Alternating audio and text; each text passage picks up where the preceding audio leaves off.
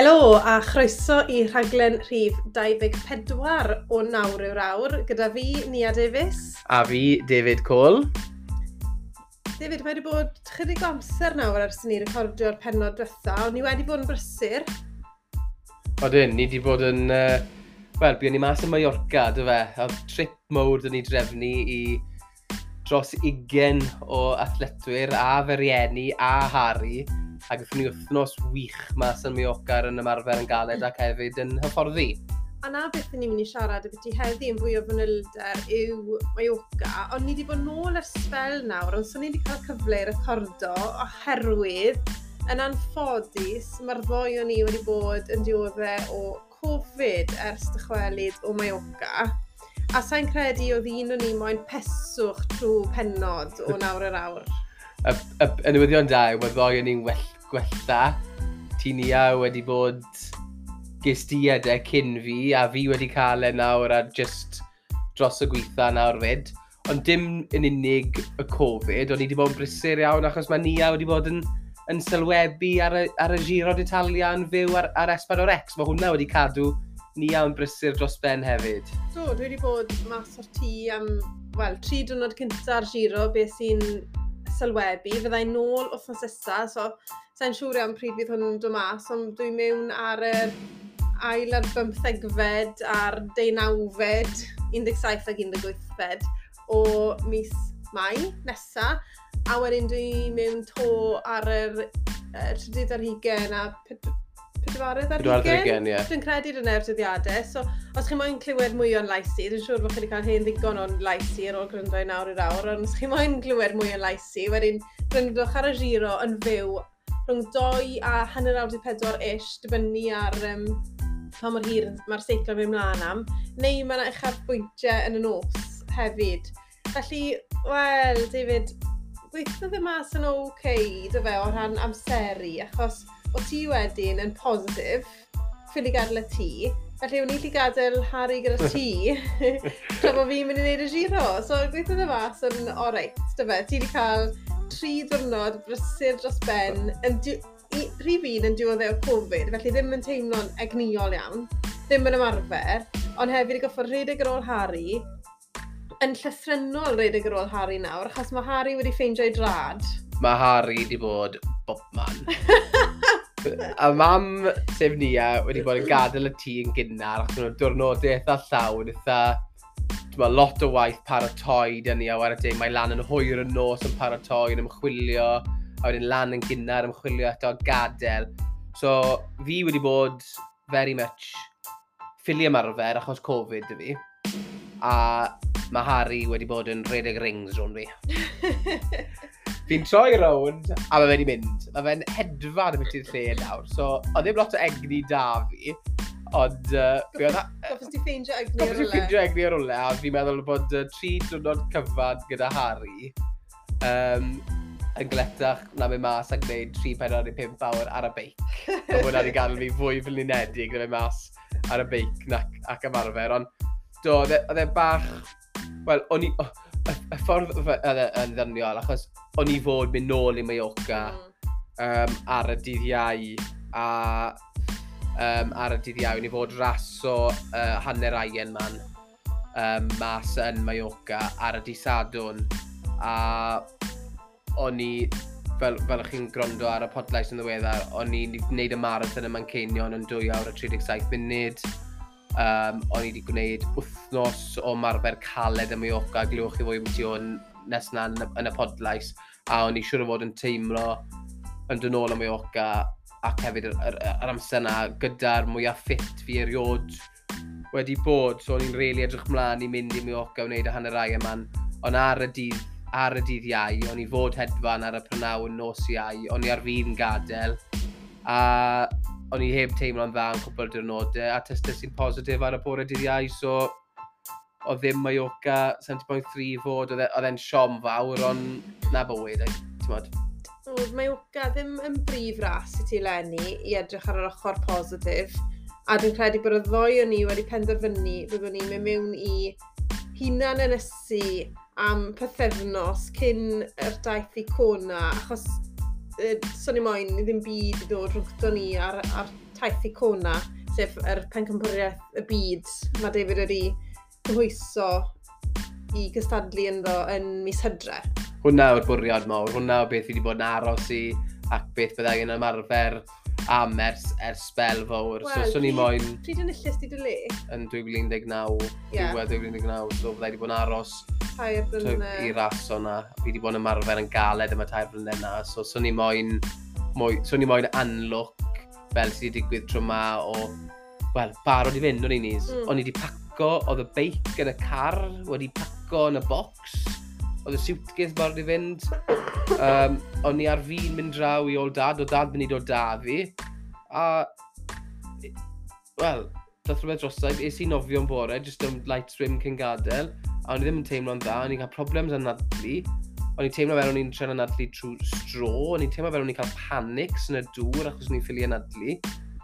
Cerdded nôl i'r car, oedd y heart rate lan yn zone 2, fel arfer, byddai'n redeg twod, 6-7, 600 munud bob milltir yn beth oedd y guriad y galon yn dangos. Nes i nôl a nes i test a ddim positif a fel na weddi. Fel na weddi fod, ges i tri diwrnod a Harry yn lle ni a watcho ni a yn sylwebu yn wych ar y giro. Reit de, digon y problu. Well ni symud mlaen at prif pwrpas y rhaglen yma, sef trafod ein daith hyfforddi ni i Mallorca.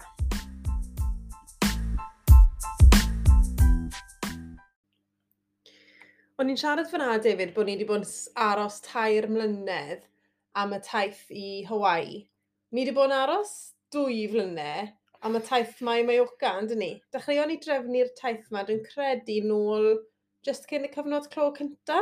Do, a uh mae wedi cymeryd beth sy'n teimlo fel lifetime, maen nhw'n gweud, i ni gallu mynd i Mioca gyda grŵp i ymarfer. Mae wedi bod yn feri, fel maen nhw'n gweud stop start, yn, yn, yn, yn diwe.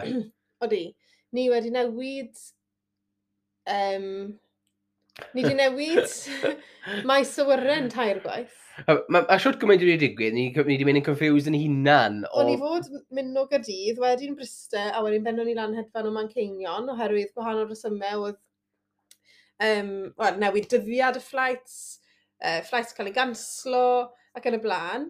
Ond o'r diwedd... Thwn ni bennau. Do, dathon ni bennau. bennau.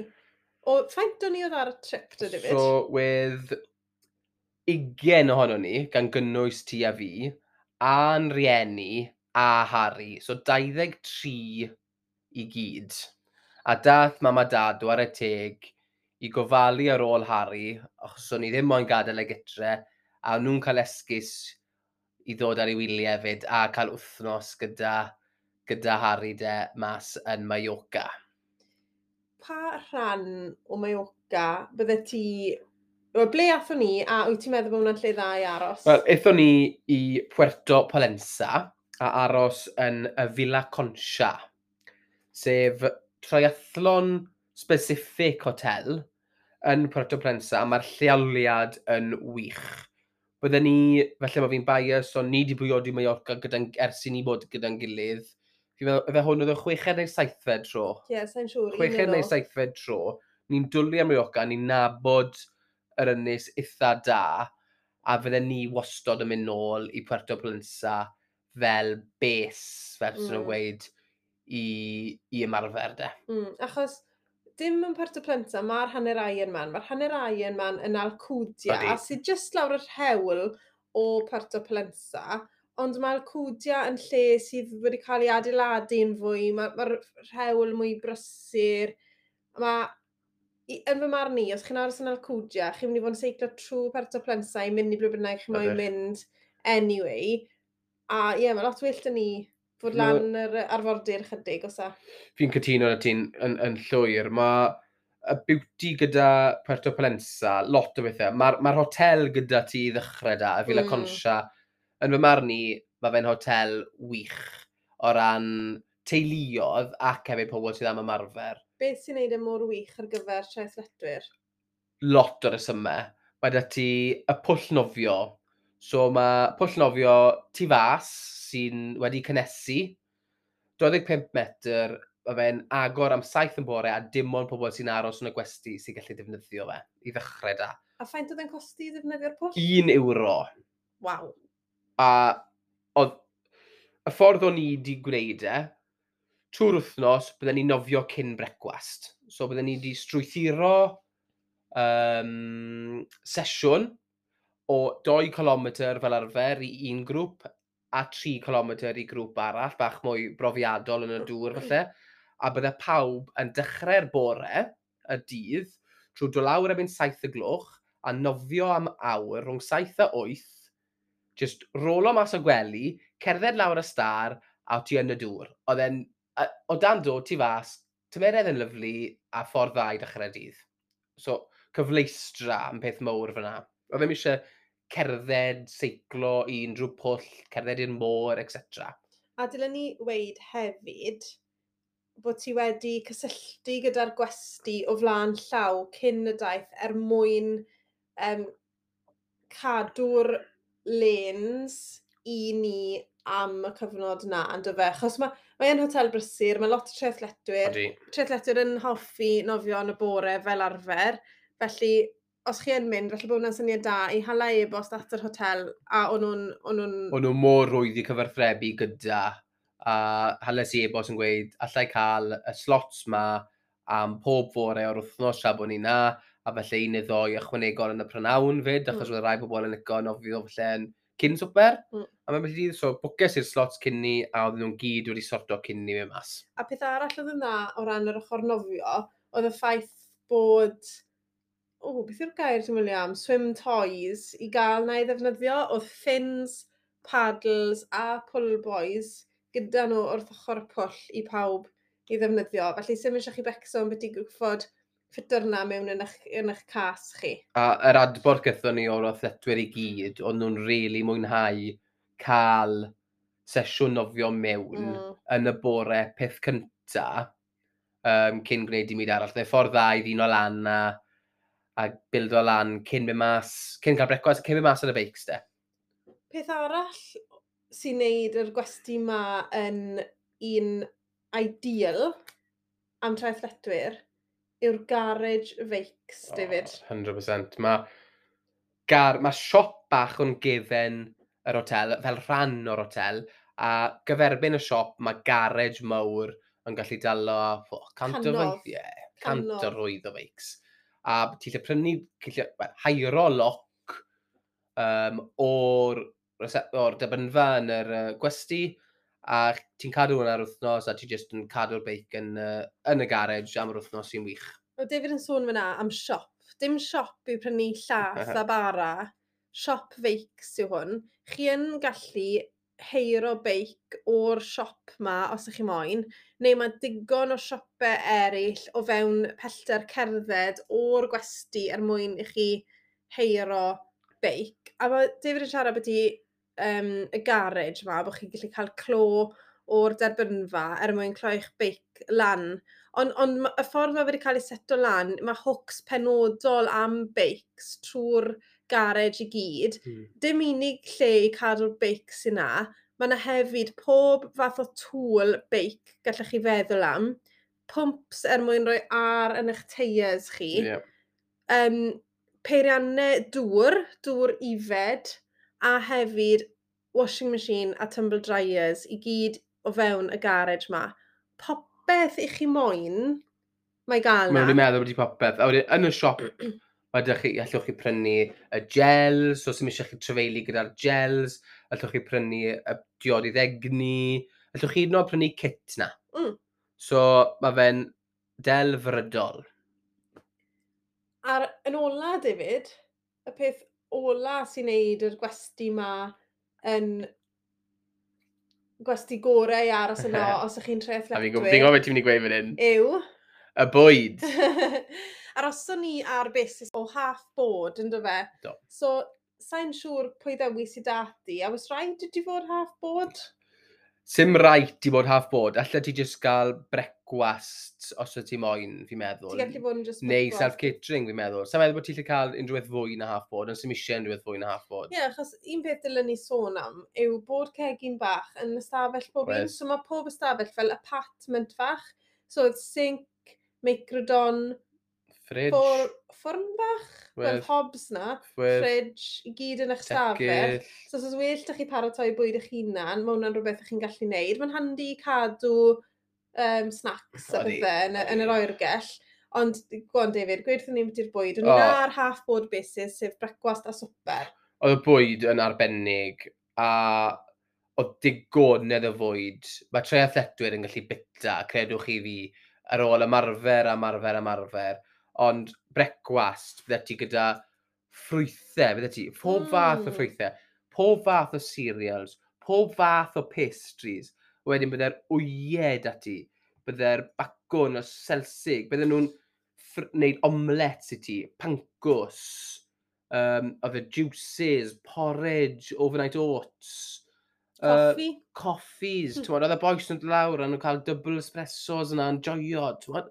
A digonedd o fwyd i, par, i, i carw ti fynd yn fore. Wedyn, erbyn nos, tywod, ar ôl bod mas ar y beics, ugen ohono ni, beth diwetha ni fo'n mynd, mynd cerdded lawr, wylo lle, aros am y bwyd. Ie, yeah, mynd mas yn bwyd. Mynd mas yn bwyd, ie. Yeah. Beth diwetha byddwn ni moyn neud yw, tywod, le bydd yn derbyn ugen o bobl, mm yr ordro wedyn, so y cyfleistre eto, dod nôl, gweud ni'n mynd i cwrdd am tua saith y gloch, bita fwyd, a eto, oedd oedd beth oedd oedd yr opsiynau yn wych, oedd e, oedd y bwyd yn iach, oedd y bwyd yn ffres, mm. Twa, tiwna, chicken, y pysgod, salads, veg, unrhyw beth. Oedd, oedd, um, oedd un station lle oedd e, yr cogydd yn, yn gyson yn, yn coginio fel wedys di'r pysgod ffres, y cywiar ffres, um, oedd paella hefyd ar yr un lle yma. Oedd, a wedyn oedd station arall lle oedd fel mwy o pethau fel y stews, yr eto'r cigach gwahanol, um, bwyd llysieuol i gael na hefyd, a wedyn digon o llysiau, a... digon o salad. Oedd yr salad bar yn mynd lan un ochr yr holl um, hotel. Oedd e'n wych, a twod, even i'n rieni fi sydd ddim yn traethletwyr, ond oedd digon opsiynau na i nhw, to, pysgod, tiwna, salad bars, briliant. Bydd gwych, unrhyw beth o'ch chi moyn na. A pwdins? Digon o pwdin i cadw pob un hapus hefyd. A ie, yeah, o ti'n mynd nôl am gwmwyn o platau wyt ti moyn. So, so digon o symau i aros yn, yn y Fila Consiar. Os, os, os ych chi yn am moyn wybodaeth am y gwesti halwch neges i fi neu ni a byddwn ni fwy'n hapus i helpu a pwyntio chi yn y, yn y direction. Ni siwr fo'n swnio fel bod ni'n cael ei talu i weid hwn dda'r hotel, ond son ni, son ni, son ni yn, a son, nhw, son ni wedi cael dim byd disgwyl ar y byd gyda nhw chwaith. Um, dwi e ddim falle lle mwy o chep i aros yno, ond os ydych chi'n traethletwr, mae yn gwerth i aros na. A hefyd, y pedwerydd pethau am yr hotel yma yw os ydych chi moyn mynd â'ch teulu chi gyda chi, mm -hmm. ni wedi sôn yn barod am yr pwll 25 metr, ond mae 5 pwll na. Un o'n nhw'n pwll bach i babis, bu o'n i dy haru mewn na. A mae hefyd ardal fel soft play o fewn o'r hotel hefyd. Felly, peidwch teimlo bod chi ffili mynd â teulu chi na, bod e jyst yn llawn athletwyr, achos dim hwnna yw'r yw gwirionedd. Mae llawer o teuluoedd na, sleids ac yn y blaen. Bod rhywbeth i, i pawb. Mm. Reit, oce. Okay. Na ble roson ni, ni wedi sôn y gloen beth i renti beics. Bydde ti'n cytuno dy fi, David, bod yn lot rwydd chi renti beic mas na, na Odi, cario Mae fe'n rwydd, mae fe'n rwydd i rento beic. Ti'n modd, digon opsiynau, mae nhw'n, fel ti'n lle cerdded i pigo dy feic lan, cerdded i drop o fe off, loads o opsiynau per dy plenset, a mae ti pinarello siop na, mae ti, o, digonydd opsiynau, mae fe'n safio ti cartod y feic mas na, hefyd yn digon gyfleis. Ti'n lle sorto mas gyda insurance, fydd y fla, os ti'n cael mm. torri lawr neu punctures, mae'n rhoi puncture y pay kit bach i ti. So, ie, yeah, byddwn ni... A... Os oedd i gweithio'n da i ni. Os ydych chi'n cael problem gyda'ch beic yn bersonol, oedd beic fi'n perffaith trwy'r wythnos, chi gyd jyst gallu ffôn o'r siop a os wes catastrophe wedi bod, dewn nhw i hôl chi, mae pethau bach fel a'n helpu yeah. fyd, achos peth ydych chi moyn i fod yn stuck ar ochr arall y ynnes a ddim yn gwybod sut i gyrraedd nôl i'r hotel. Reit. Beth bu ymlaen dyn ni am y chwech diwrnod bu o'n ni mas na na David? Diwrnod un. Wel, creiddon ni ar y prynawn di llun, hedfanwn ni beth gyntaf bore di llun o Manceinion, creiddon ni prynawn di llun, a buon ni, yr un chi sydd wedi bod yn Mallorca neu gyfarwydd, mae lyflu bike ride i gael o Puerto Prensa yn mynd lan i'r beth nhw'n galw'r Lighthouse. Cap de Fomentor. Ie, yeah. So mae fe'n ma fe eitha tough ride, ydy e? Ydy, mae fe. Mae tipyn o ddringo, ond mae'r golygfeidd yn wych. Um, Mae'r golygfeidd gorau, welwn ni. Ie, Yeah, fi'n meddwl hwnna mae'r ar ran fwy o bobl, os, os maen nhw byth bod o blaen, a ti moyn fel seto nhw mewn i mi ac wedi gweud, reit, dewch chi cael perform mentor, a maen nhw jyst yn gweud, waw, mae hwn yn arbennig. Mae fe tua 25 i 30 milltir. Ydy i'r Lighthouse a nôl i Puerto Plensa. Ie, yeah, i gyd. Ond mae tua dros 3,000 o trydfeiddi o, o ddringo, a mae fe'n cyfle arbennig i dod yn gyfarwydd ar beic, mm. cael bach o sport, troi o coeser ôl trefeili, a cymeru cwbl o lluniau da. Ar ôl cyrraedd nôl yn y gwesti wedyn, athyn ni gyd i rhedeg um, hanner awr o zone 2 nes i. Do, hanner awr, o'n i wedi strwythuro'r wrthnos. so oedd pob un yn cael cyfle hef, i ffeindio i ffordd y rown. mm. dwi'n gyfarwydd Perto Plensa, o'n i wedi goi 30 i 45 munud maximum yn zone 2. Yr ail dyrnod wedyn, athon ni i Sa Calabra. Do, dwrnod mawr o fi. Oedd. O lle ni'n aros, Puerto Plensa, mae rhaid ti yn gynta dringo Col de Faminia. Ar ôl cyrraedd top Col de Faminia, yn lle troi'r chwyth at lwc, chi'n cario ymlaen mynd ar hyd y ffordd yr enw'r MA10 at top sac labra. Chi'n gwybod bod chi wedi cyrraedd na, so chi'n mynd o dan bont, a mae yna leibau mawr ar dde, lle mae caffi bach a tu bach a bethau a wedyn ych chi'n disgyn yr holl ffordd lawr i bai Saclabra. Welwn ni chi na, dy fe? Do, so, ethon ni gyd lawr, gethon ni coffi, cacen a gathrau cino, pasta, ar gwylod sa calobra, oedd eitha ryd yn y caffi na, oedd hi'n Wel, dim ond un neu ddoi caffi sy'n gael awr ra, a maen nhw'n gwybod bod pob un mae'n bita cyn rhoi rownd o dod nhw'n lan. So, Mae fe'n, bach o monopoli dyn nhw fyna. fi'n meddwl, 29 o troion O, fe. o herpins, de, fe, sydd nhw'n gweud, i cyrraedd y gwylod. A pan ti'n mynd lawr, ni di gwneud y cwpl o weithiau nawr, mae fe'n teimlo fel oes i cyrraedd y gwylod. Odi. A ti'n ti meddwl, o, oh, mae rai, un, un, un ffordd lawr a un ffordd lan sy'n gael. Mm. Ond um, dwi'n dwlu ar Saglobra. Fi'n meddwl hwnna yw fy ffefret rwt. Uh, mae rhywbeth y biti a pan ti'n cyrraedd top Saglobra a ti'n mynd lawr, mae fe jyst yn hala'r adrenalin i fynd yn gwybod mm. bod rhaid ti dod nôl, nôl lan a nôl, nôl mas o gen. Mae fe'n brysur gyda fel buses a ceir, Ond um, os ych chi yn seiclo, mae fe, ma fe un o'r rwts na'n just rhaid i chi mynd i wneud. Ie. Yeah. A wedi concro sa calabra, cyrraedd y top to, nath ni ddim mynd y syth nôl i'r gwesti David. Nath ni, nath ni nôl at Luke yn dyfe. Do. So wnaethon ni fel rhan fwyaf o'r route 70.3 wedyn i pobl oedd yn dod nôl mas i wneud yr hanner aien man, um, cael gweld y cwrs yn iawn de mae disgyniad i gael um, lle chi'n disgyn o lwc glawr i selfa. Selfa, ie. Yeah. Lot o hepins to. Um, lovely descent bach. So, o'n i moyn i'n siŵr bod y pobl oedd yn dod i wneud yr hanner ai yma yn cael y profiad o, mynd lawr hwnna cyn y ras. Yeah. A wedyn, wel, nath ni, o ti'n un grŵp a o'n i'n grŵp arall dylen ni esbonio, a nath o chi lŵp bach yn gwahanol i ni, ond yn grŵp ni, Gwych chi sport. Gatho ni stop fach yn campaniet. Siwr o fod yn fel chi'n gweud campaniet, ond gatho ni stop yn campaniet a gatho ni... Oedd pimp o'n ni yn y grŵp, fi'n credu. Fi, Cari, Simon, Sean, Miss Evans a Rebecca. Gatho ni...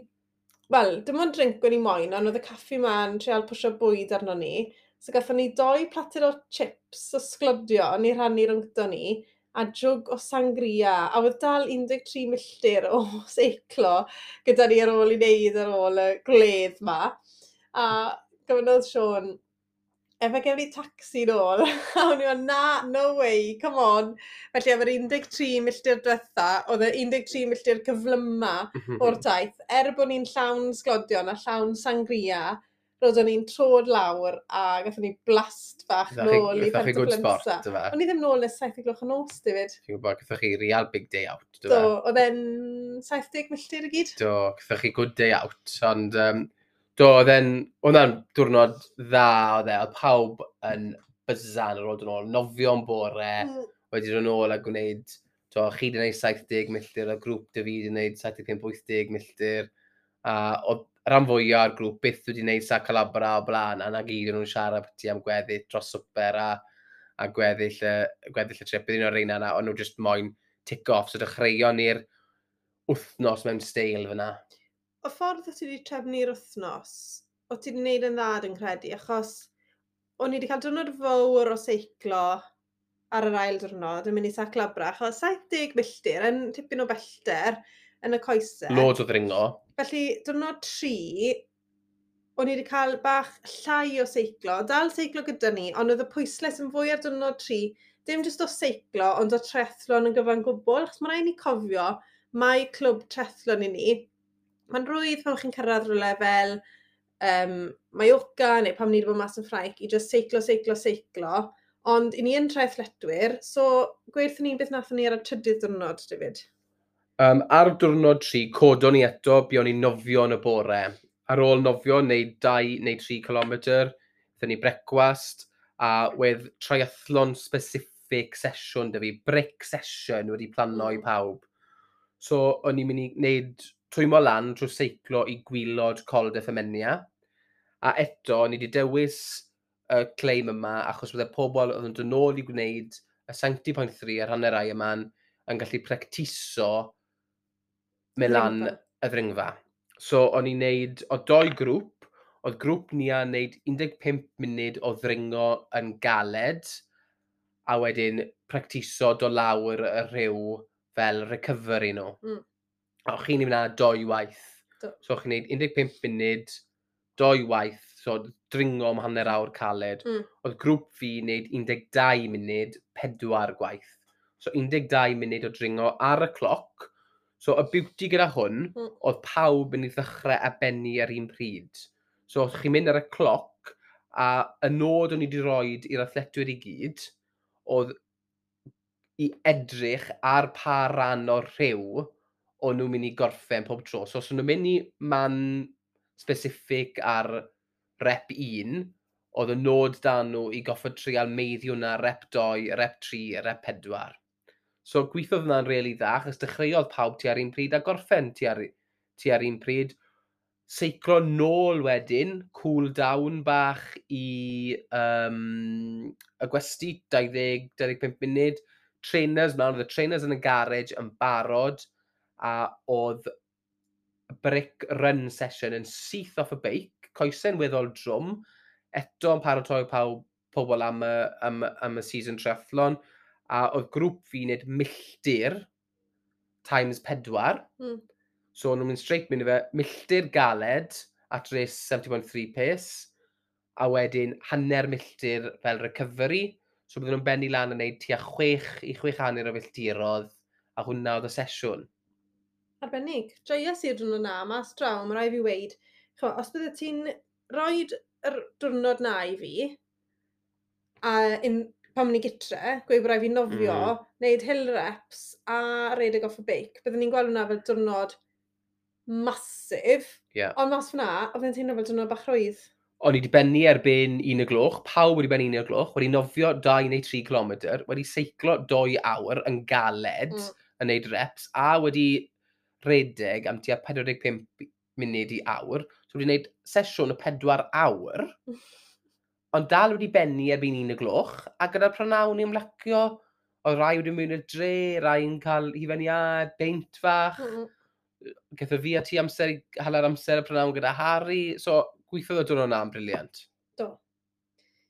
Dydd pedwar wedyn, eto dechreuon ni hwn gyda nofio, a diwrnod pedwar o ti wedi trefnu fel bach o diwrnod i Beth yw recovery yn Cymraeg? Hmm, recyfro, sori. Oedd e fod yn dyrnod bach rwydd, fel bod ni yn barod am y dydd mowr oedd yn blaen ni. A'r nod oedd seiclo i dre o'r enw Petra. Nawr mae Petra i'r gorllewin, efe? Na. Ie. Yeah. Ie, yeah, i'r gorllewin o Perta Plynsa, ar hyd y gwastadur. Does na ddim dringo o gwbl. Fi werthyn yna, jyst meddwl nôl am, am y diwrnod i Petra. So, oedd yn 25 milltir bob ffordd, so 50 milltir i gyd, sy'n Mae'n fawr, mae'n mm. rhaid fawr, mm. ond oedd e'n rhwydd, a fod ni gyd yn mynd yn gili a'r eitha hamddenol, lingdi long. Ie. Yeah. Gyrraeddon ni Petra, steddon ni tu fas yn y sgwar, gathon ni gyd cac ugain, gathon ni gyd coffi neis, oedd yr y waiter yn lyflu. Fydden ni'n awgrymu unrhyw un sy ar sy yn, yn yr ardal na i stopo'n petra, achos oedd y mm. sgwar yn briliant, oedd y cacs yn arbennig. o'n nhw, a so bydden ni'n mynd i petra to yn sicr. Oedden ni'n o'r diwrnodau na, a gyrraeddon ni'n petra, a oedd y hael yn disgleirio, a nhw'n i gyd yn gweud, o, mae wedi bod yn bwrw glaw fan hyn. Ond oedd y hael mas, a steddon ni mas yn cael yn te a cakes a popeth. Ond, Ond... y funud gyrraeddon ni nôl ar y beic na, y funud... Mewn 5 neu 10 munud efe. Oedd e fel cyser. E Agorodd yn efodd. Agorodd y gogoniant. oedd dath e lawr yn drwm, dy fe. Do, oedd e'n dangerous, actually. Oedd, oedd flash Floods yn o'r hewl. Mm, mm. A o'n i'n meddwl, oedd e'n un o'r fel, oedd y glaw na, oedd un o'r moments na, le oedd pawb yn jerseys, shorts, a ffôn y bocen, ti'n meddwl, mae'r ffôn ma mynd i torri. Oedd e'n yeah. E glaw fel la, no way mae'r ffôn ma dal mynd i fod yn gweithio. Oedd e fel la, oedd e. e. A athyn ni ffordd gwahanol i ti, a sa'n gofio pwy dre o'n i'n mynd trwyddo. O'n i'n mynd trwyddo rhyw dre ah. yma, a o'n i'n mynd lawr rhyw, a o'n i'n mewn afon, basically. Mm. Oedd gwmynt o dŵr yn llifo, ond y peth gweitha wedd, y drains i gyd oedd bob man. So o'n i gyd, o'n i'n seiclo mewn grŵp, i gyd yn gweiddi ar yn gilydd, trial o'n i ffili, so fel arfer, os oes drain neu rhywbeth ar y ffordd, ti'n gofio pwynt at o fe. Mm. Ond achos bod ni'n mynd lawr rhyw, o'n i gyd pallu gadael fynd o'r breaks. A hefyd, oedd y drains ma yn llefydd mor random dros y rhewl i gyd. O ti'n ffili gadael fynd o'r bas, achos o rhaid ti wifan mewn y mas. So o'n i gyd yn gweiddi ar yn gilydd. Ond o'n i gyd hefyd gyda disc brakes. So disc brakes yn y glaw yn sgrechen. O'n i'n really stressed at this point. Na, oedd e'n Oedd e'n neis os gofod gytre, oedd e. Oedd headwind nôl fyd. Wedd, oedd ddim, oedd ddim yn uh, bleserus o gwbl. Felly oedd y dyrnod rhwydd ar ei benni lan ddim mor rhwydd. Pob un yn seiclo yn galed trwy'r glaw a'r gwynt i cadw'n dwym. A er mwyn cyrraedd gytre mor gloi yeah. yn gallu. A greiddo ni nôl yn part y plensa, fydd hi'n sych? Do. Ethon ni... Fla mai. O, fela wedi. Ethon ni, nath rai redeg yn y prynawn wedyn, a mawr fel endurance run, a nath rai nofio, nofio le oedd ni'n gweithio'r techneg. Mm. Yn y prynawn cymeryd fideos, edrych ar gwendidau, edrych ar swim strokes, a na dydd iau de. Felly, y diwrnod olaf oedd mynd i fod y diwrnod mawr yn y fenis. Y nod oedd seiclo lŵp fawr. A o ti a fi moyn neud rhywbeth, o'n i heb wneud o'r blaen, oherwydd pob reid arall o'n i wedi wneud, oedd o ddoi o'n i wedi wneud hwnna. Hmm. Felly, o'n i moyn ffeindio rhywbeth bach yn gwahanol i'r arfer, beth i ni arfer wneud. Felly, dechreuon ni eitha arferol, seiclo ni lan Col de Feminia, ond wedyn bwron ni am Pig Maior, y mynydd fwyaf uchel ar ynys Mallorca. Yeah mae'r ddwy o'n i wedi seiclo fe o'r blaen, ond dim o'r cyfeiriad ma. A i gweud y gwir, David, seiclo col, um, pig mae o'r o ochr lwc lot rwyddach na'r ffordd ni fel arfer wneud. odi, odi. Creiddo ni top pwyg mae o'r, a ni'n meddwl, o, oh, mae wedi bod tipyn o ddrag, gyfe. Yeah. Cyfle ar ôl mynd trwy'r twnnel, cwpl o lluniau. Yeah. A wedyn, yn mynd lawr, Oedd e'n tua 8 milltir. Deg, dwi'n credu. O, oh, rhywbeth fla. 8 yeah. i 10 milltir o just... Disgyn. Disgyn, nes bod chi'n cyrraedd soler. Troia sydd ddim y pedal am 10 milltir. So, o'ch cyrraedd soler, gethwch chi stop yn soler, dy fe, am gynno. Do. Cariodd grŵp fi mlaen i lle ar enw Port de Valdemossa. mm -hmm. sef mini colabora maen nhw'n galw ge. So dim cweit fel colabora, ond eto, mae'r golygfeidd yn wych, a chi'n disgyn mewn i Porto Foldemosa. Cyfle eto, gyda'n ni carrot cake, bach o sangwed bach yn Porte Foldemosa cyn ddringo allan a um, cario ymlaen gyda reid. Ie, yeah, fel wedys di, athon ni i Soler. Nawr, sa'i byth di bod mewn i canol Soler ar blaen, a oedd e'n brysur, oedd e'n really, oedd e'n dre fwy o faint na wyn i'n disgwyl, lot fwy o seis na Puerto Plensa. Dre hen ffasiwn, cobls, rhewlydd gil, lot o rhewlydd un ffordd yn unig, brysur, galed iawn i ffeindio'r sgwar yn y canol a'r beic, byddwn ni'n gweud. O'n i gyd ar goll, o'n i gyd ar fasgar, ond ffeindio ni'r sgwar yn y canol, a oedd e'n lle hyfryd i ymweld â, i weld yr eglwys fawr, a hefyd i weld y trams hen ffasiwn mm. sy'n hmm. paso trwy soler. Felly mae'n werth i mynd i ymweld, sa'n siŵr ydyw werth mynd i ymweld ar y beic, ond mae werth mynd i weld yn gyffredinol. Yn rhieni fi'n dwlu ar soler, ond nhw'n nhw wedi bod na gyda Harry am day out. A wedyn, nath o'n ni dringo col dy soler i ddod mas o soler. Felly er mwyn mynd nawr i'r dwyrain mas o soler, mae twnnel i'r ceir i fynd trwyddo, mae'r twnnel yn mynd straight trwy'r mynydd, ond does dim hawl da beics i mynd trwy'r twnnel, felly oedd yn rhaid i ni i ddringo i ben col dy soler a lawr yr ochr arall. Oedd e ddim yn uchel iawn, ond oedd e un o'r um, dringfeidd gorau nes i'r wythnos mm. na. Achos mae'r rhan fwyaf o'r dringfeidd fel fi'n meddwl nôl Capta Fyma To, Pig Maior, Colda Ffyminia, maen nhw'n dringfeidd hir, does dim lot o hepins, so mm. mae'n hala lot o amser i dringo, os yw hwnna'n gwneud sens. Mm. Mae fe'n mynd yn, la, draws y mynydd, lan. Hmm. Mae hwn hebyn, hebyn, hebyn, hebyn, ti'n dringo mm. yn galed am byr amser a nes i rili really mwynhau e. A wedyn, ti'n cyrraedd y top a ti'n lawr ochr arall, rhywun peth to, hepin, hepin, hepin, mm. hepin. So oedd e'n neis i wneud fath gwahanol o dringo, a oedd e'n atgoffa fi'n fawr o'r dringo bu o'n i'n neud yn Ffrainc. O, oh, okay. Briliant. Os ti'n gwybod beth i'n meddwl. Ie, yeah, debyg yw ffer y ti'n disgrifio hwnna de, achos es i am grŵp i o Portugal Valdemossa i Valdemosa. Mm -hmm. A wedyn o Valdemosa lan claim yr Orient. Yeah. A oedd y o'n i'n disgwyl i'r Orient, oedd lot o bobl wedi bod yn siarad, o, oh, chi wedi gwneud y Orient, chi wedi gwneud y Orient. Fi'n meddwl, o, oh, mae hwn yn sôn fel claim eitha anodd. Ie. Yeah. Ond, i fod yn onest y ti, oedd e ddim hanner mor hir na beth o'n i'n disgwyl, mm. a eto, tebyg i siwt i ti'n disgrifio Col de Soler, oedd yr Orient hefyd yn mynd nôl ymlaen, lot o switchbacks. Yeah. Ond o'ch chi ar y top wedyn, a disgyn, a fel mm. rolling, a cwpl o, cwpl o switchbacks eto. A oedd e'n un o'r ddringfeidd na o ti'n gallu joio, a dim, o ti ddim goffa benni di ran off, ti'n gwybod? Na, yn union beth o'n i jyst mynd i dweud, oedd e'n bleserus. Wedd. Ond cyn cyrraedd yr orient, nes i mises i'r tyrn am yr orient. Mm. A oedd, pimp, oedd wech o'n i'n grŵp fi, a o'n i'n o'n i'n bwrw o Faldemosa, o'n i'n bwrw am nôl, a o'n i wedi gwneud 70 i 80 o filltirodd. A o'n i heb goffod dibynnu ar y Garmin na'r ffôn unwaith. A o'n i'n meddwl, o, fi'n mynd bant o'r mynyddoedd fan hyn. O'n i'n edrych, o'n i'n seiclo bant o'r mynyddoedd. so stopes i.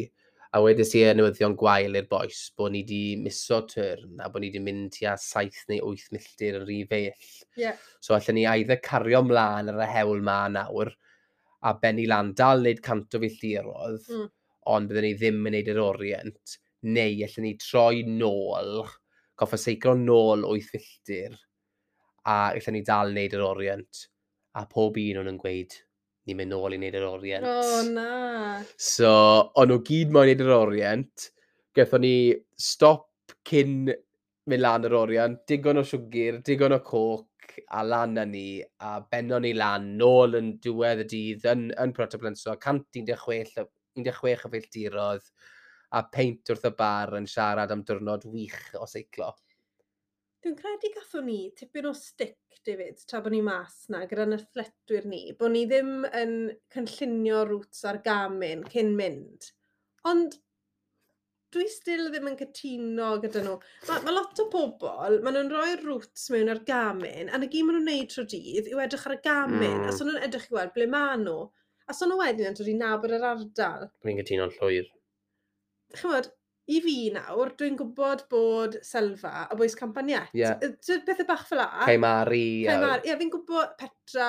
Yeah. Fi'n gwybod ble maen nhw i gymharu â'i gilydd. Ond os wyt ti jyst mynd i cynllunio rwt ar gamen ti a dilyn hwnna... A cymeriad sport mas o fe. Pam dwi'n dreifo byty yn edrych ar satnaf fi, sa'n dod i nabod no. yr ardal achos dwi jyst yn dilyn y satnaf. Fi well dy fi i ysgrifennu lawr, fel o'n i'n neud, ar y pisyn o bapur a tepo fe i'r top bar, pwy trefi, mae rai ni eimo. Yn eliat, ie. Dim bod rhaid i ni mynd mewn i pob un o'r trefi yma, jyst bod ni'n bwrw yn y cyfeiriad na. A chymod, o'n i'n mynd bach yn frustrated weithiau, fel ar diwedd y dydd ma, dydd pimp, o'n i wedi gwneud col dy soler, a na gyd oedd rhaid ni'n neud nawr, oedd mynd nôl ar hyd y gwastadur i Perto Plensa. O'n i'n gwybod yn hunan bod fi moyn ail ymuno gyda rwt 70.3. Mm. O'n moyn bwrw at selfa campaniet a mynd nôl o campaniet i Perta Plensa mm. ar hyd llwybr feicio. A oedd lot o bobl yn grŵp fi yn stopo mm. trwy'r amser. I ni ar y rewl iawn, mm. i ni mm. ar y rewl iawn. O'n i'n gweud, sa'n gwybod pwy rewl, i ni moyn fod arno. Na gyd dwi'n gwybod, cadwch y mynyddau ar eich chwith a chi'n gwybod mm. bod chi'n mynd i cyfeiriad iawn. Ie, yeah. yeah fi, fi meddwl, fi'n cytuno ar ti'n llwyr, o'n i'n, na beth o'n i'n neud cyn ni, lot o waith paratoi, edrych ar y map. So, edrych ar y map a gweud, hwn yw'r rŵt fi moyn neud, yeah. a ysgrifennu lawr ar pisyn y bapur, yr er trefi o'n i'n mynd i fod yn anelu tuag at. So, byddwn ni'n gweud, ti'n modd, col dy Ffemenia, gwybod hwnna'n dda, Soler, Deia, mm. Porto Valdemosa, Nôl, Valdemosa, Orient, ac yn y blaen. Mm. A... Wel, bwmbo ni mewn i chi yn sylfa, dy fe? Mae'n cymeryd y sport bant o fe, mm. pan ti'n mynd i lle newi. A wnaethon ni gwmwys i'n meddwl, wnaethon ni Sam Wens. A ni wedi bod mynd ar goll gwbl o weddi, lefydd, ond sy'n ots os ti'n mynd ar goll. Mae'n part o'r, or sport, i, i meddwl. A dim, a dim just na, ond so ti wedyn yn gwybod, o, mae rŵt ma'n mynd i fod 101.4 milltir a fi'n mynd i fod yn dringo 8,800 trodwedd. Na, so ti, sa'i moyn gwybod yn gwmwys faint sydd da fi wneud a faint pan fi'n mynd i lle newi. Hmm. Fi'n mm. fi gwybod hwnna'n getre. A bod, na pan fi'n ymbellaidd gael llawn bol a seiclo getre a pan mynd i lle newi. A thach slai gweithio ti yn gwmwys, wel mae'n 11.1 milltir i Castell Newi. Yeah. Neu os na i pen, os na i y preselis, y lŵp na, fyddai'n gwybod yn gwmwys, os a'i cenar, byddai'n 7.5 milltir, a fi'n fed up o fe, mm, ti'n fod? Mm, mm. Fi'n gytuno dod ti'n llwyr. A ti'n be, ti'n weithiau, pam ti'n cynllunio rŵt, neith um, Google neu Strava, beth bynnag, newn nhw hala ti ar y prif ffordd rhwng mm. Campaniata Puerto Prensa, er mm. er enghraifft, bydde fe'n mynd â ti heibo alcwdia. Mm. Os bydde ni ddim wedi bod yn mynd ar liwt yn hunan, byddwn ni byth wedi ffeindio y rhewl gefen sy'n mynd o Campagnetti i Perta Plensa, sef nawr un o fy hoff yeah. ffyrdd yn Mallorca. Sori, ni'n mynd off o'r rant ond, dim, ond, dim um... just na fyd, ond ti'n ffindio fe wnes ti hewlydd bach newydd. Yeah. Os ti yn miso un troiad, sy'n mot, achos ti ddim mynd ar un nesa. Ie. Yeah. Exactly, so. Yeah. A anyway. Benno ni lan ar grafel a popeth. O'n i'n joi, o'n i'n werthyn. Yeah. Mae rai pobl, maen nhw jyst moyn mynd ar yr hewl, gyflymau gytre. Os yw hwnna'n meddwl reido yn y ditch, reido ar ochr dual carriageway, na beth maen nhw'n moyn neud. Ond i fi, dim na beth dwi'n mwynhau yeah. neud. Dwi'n mwynhau mynd ar yr hewlydd, bach tywel, gefen, a gweld um, Mallorca. Yeah. Ti'n modd, mynd heibo y ffermydd gwahanol, um, gweld beth maen nhw'n tyfu, pwy blodau sy'n tyfu mas o Mallorca, pwy anifeiliaid sydd ar ffermwyr yn y ca, pwy uh, ffrwythau maen nhw'n tyfu yn y ceiau. Dwi ddim i pawb, ond na beth, er bod fi mas na i seiglo, dwi hefyd moyn gweld diwylliant Mallorca. So, gaethon ni wythnos da, ynddo fe? Wythnos arbennig, ond anffodus, gyrraeddes i top Col de Soler a o'n i'n dechrau peswch a o'n i'n meddwl, oh no, achos oedd pob un arall yn grŵp fi wedi cael Covid yn yr wythnosau'n rhedeg lan i'r trip a wyn nhw gyd yn gweud ti'n sôn fel bod Covid ydy. Mm. A'r ffaith wyn nhw ddim yn peswch yn hala fi meddwl, o damo, so nhw'n peswch achos maen nhw wedi cael yn barod. Ond dethon ni ben yr wythnos, ynddo fe? Do. Treino ni, twod, o di llun nes di Gwener, nath rhan fwy o'r grŵp tua 25 o oriau o ymarfer. Nath rai godi ar y disadwn i wneud swim bach neu run bach cyn gadael, hedfan o'n ôl. Oedd y ddoi yn ni nôl ma ar y disil yn absolutely shattered rhwng bopeth, rhwng trefnu'r trip, mm. rhwng yr hyfforddi, rhwng dim cysgu lot yn y nosweithi yn paratoi am y diwrnod nesaf, ac hefyd yn ymarfer, gadodd e ddoi yn ni yn blinedig ah, iawn. Fi'n meddwl achos bod ni'n sal oedd hwnna yeah. y byd, achos ni wedi bod ar teithio hyfforddi o'r blaen, lle mae eisiau'r recovery week yeah. yna i ddod dros yr hyfforddi, ond y ffordd o ti wedi plano'r wythnos mas, o'n i'n, os byddwn ni ddim yn sal gyda Covid, o'n i'n yeah. bwrw ymlaen gyda hyfforddi, yn ei mwy o hyfforddi, felly fi'n meddwl bod ti'n bod yn anheg fyna, achos sa'n credu bod ni wedi gor-hyfforddi tra bod ni fan. Na, dim gor, dim gor hyfforddi neu ymarfer, ond rhwng popeth. Mm. Dim jyst yr ymarfer o gwneud y faint na o oriau o ymarfer, ond fi'n gweud y trefnu na, nath mynd mm. cyn, cyn mynd. Bet, halon ni, halos ti diwrnodau ar y ffôn a'r stres Do. o tre gael pawb yn yr airport ar y flight, gyda'r passport, gyda'r beics, drefnu'r sesiynau, oedd loads i drefnu, a oedd hwnna'n gwaith caled yn ei hun, heb sôn mm. am yn ymarfer. So oedd popeth wedi adeiladu lan, mm. dim, dim sa'n gweud twod, bod yr ymarfer wedi gadael ti'n siater, ond lot o effeithiau eraill, yeah. ti'n modd, ffactorau eraill, ond o ti'n sal ar ôl dod ôl ar y disil, yn, yn dod fe. Um, ond yr ddoi ni yn gwella nawr, so sy'n eisiau strywar hwnna, ti wedi cael cwbl o dynodau gwych e, yn, yn sylwebu ers dod ôl. A dwi'n nôl yn y ffordd fi nawr, a mae rhaid fi gweud, dwi'n teimlo'n gwych. Mae y lungs wedi gwella ers Covid, a dwi'n credu bod buddiannau'r holl y ffordd i'n Mallorca dal yn y coesau, hmm. sy'n positif iawn.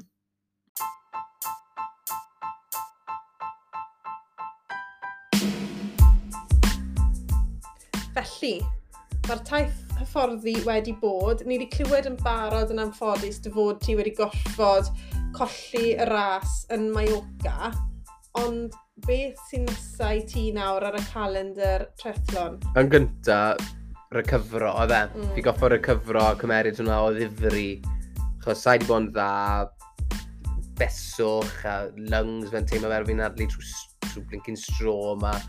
Ond fi'n gobeithio gallu dod dros hwn achos cymerodd e ti gwylio ni ddo, 15-16 dydd. 17 dwi'n credu. A fi'n gobeithio allu cael bloc caled o ymarfer, achos fi'n anelu at gwneud y Lixman sydd mewn tua 5 wythnos.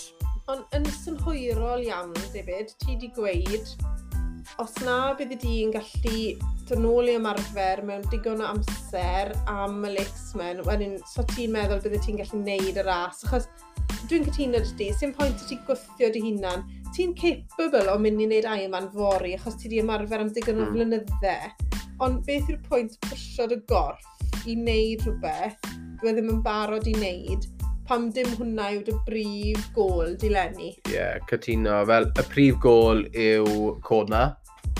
Um, fi hefyd yn edrych mlaen i 70.3 Abertawe. Mm. A gobeithio, e, a mae'n Cymru, ond gawn ni weld ti hwnna, ond cona o'r prif gol. A os na dwi'n barod i gallu gwneud yr ymarfer am y lix, fydda i ddim yn neud e, achos fi at pwynt le dwi am bod yn cystadleuol a dim just troi lan a gwneud y lix. Dwi'n fawr mm. mynd na i gwneud amser cyflym.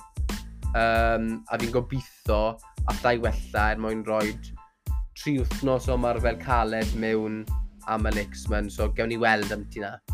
I fi de, dwi'n anelu nawr at wneud trethlon pellter Olympic yn Tata Steelman, sef ym Mhor Talbot, mewn pedwar yeah. wythnos.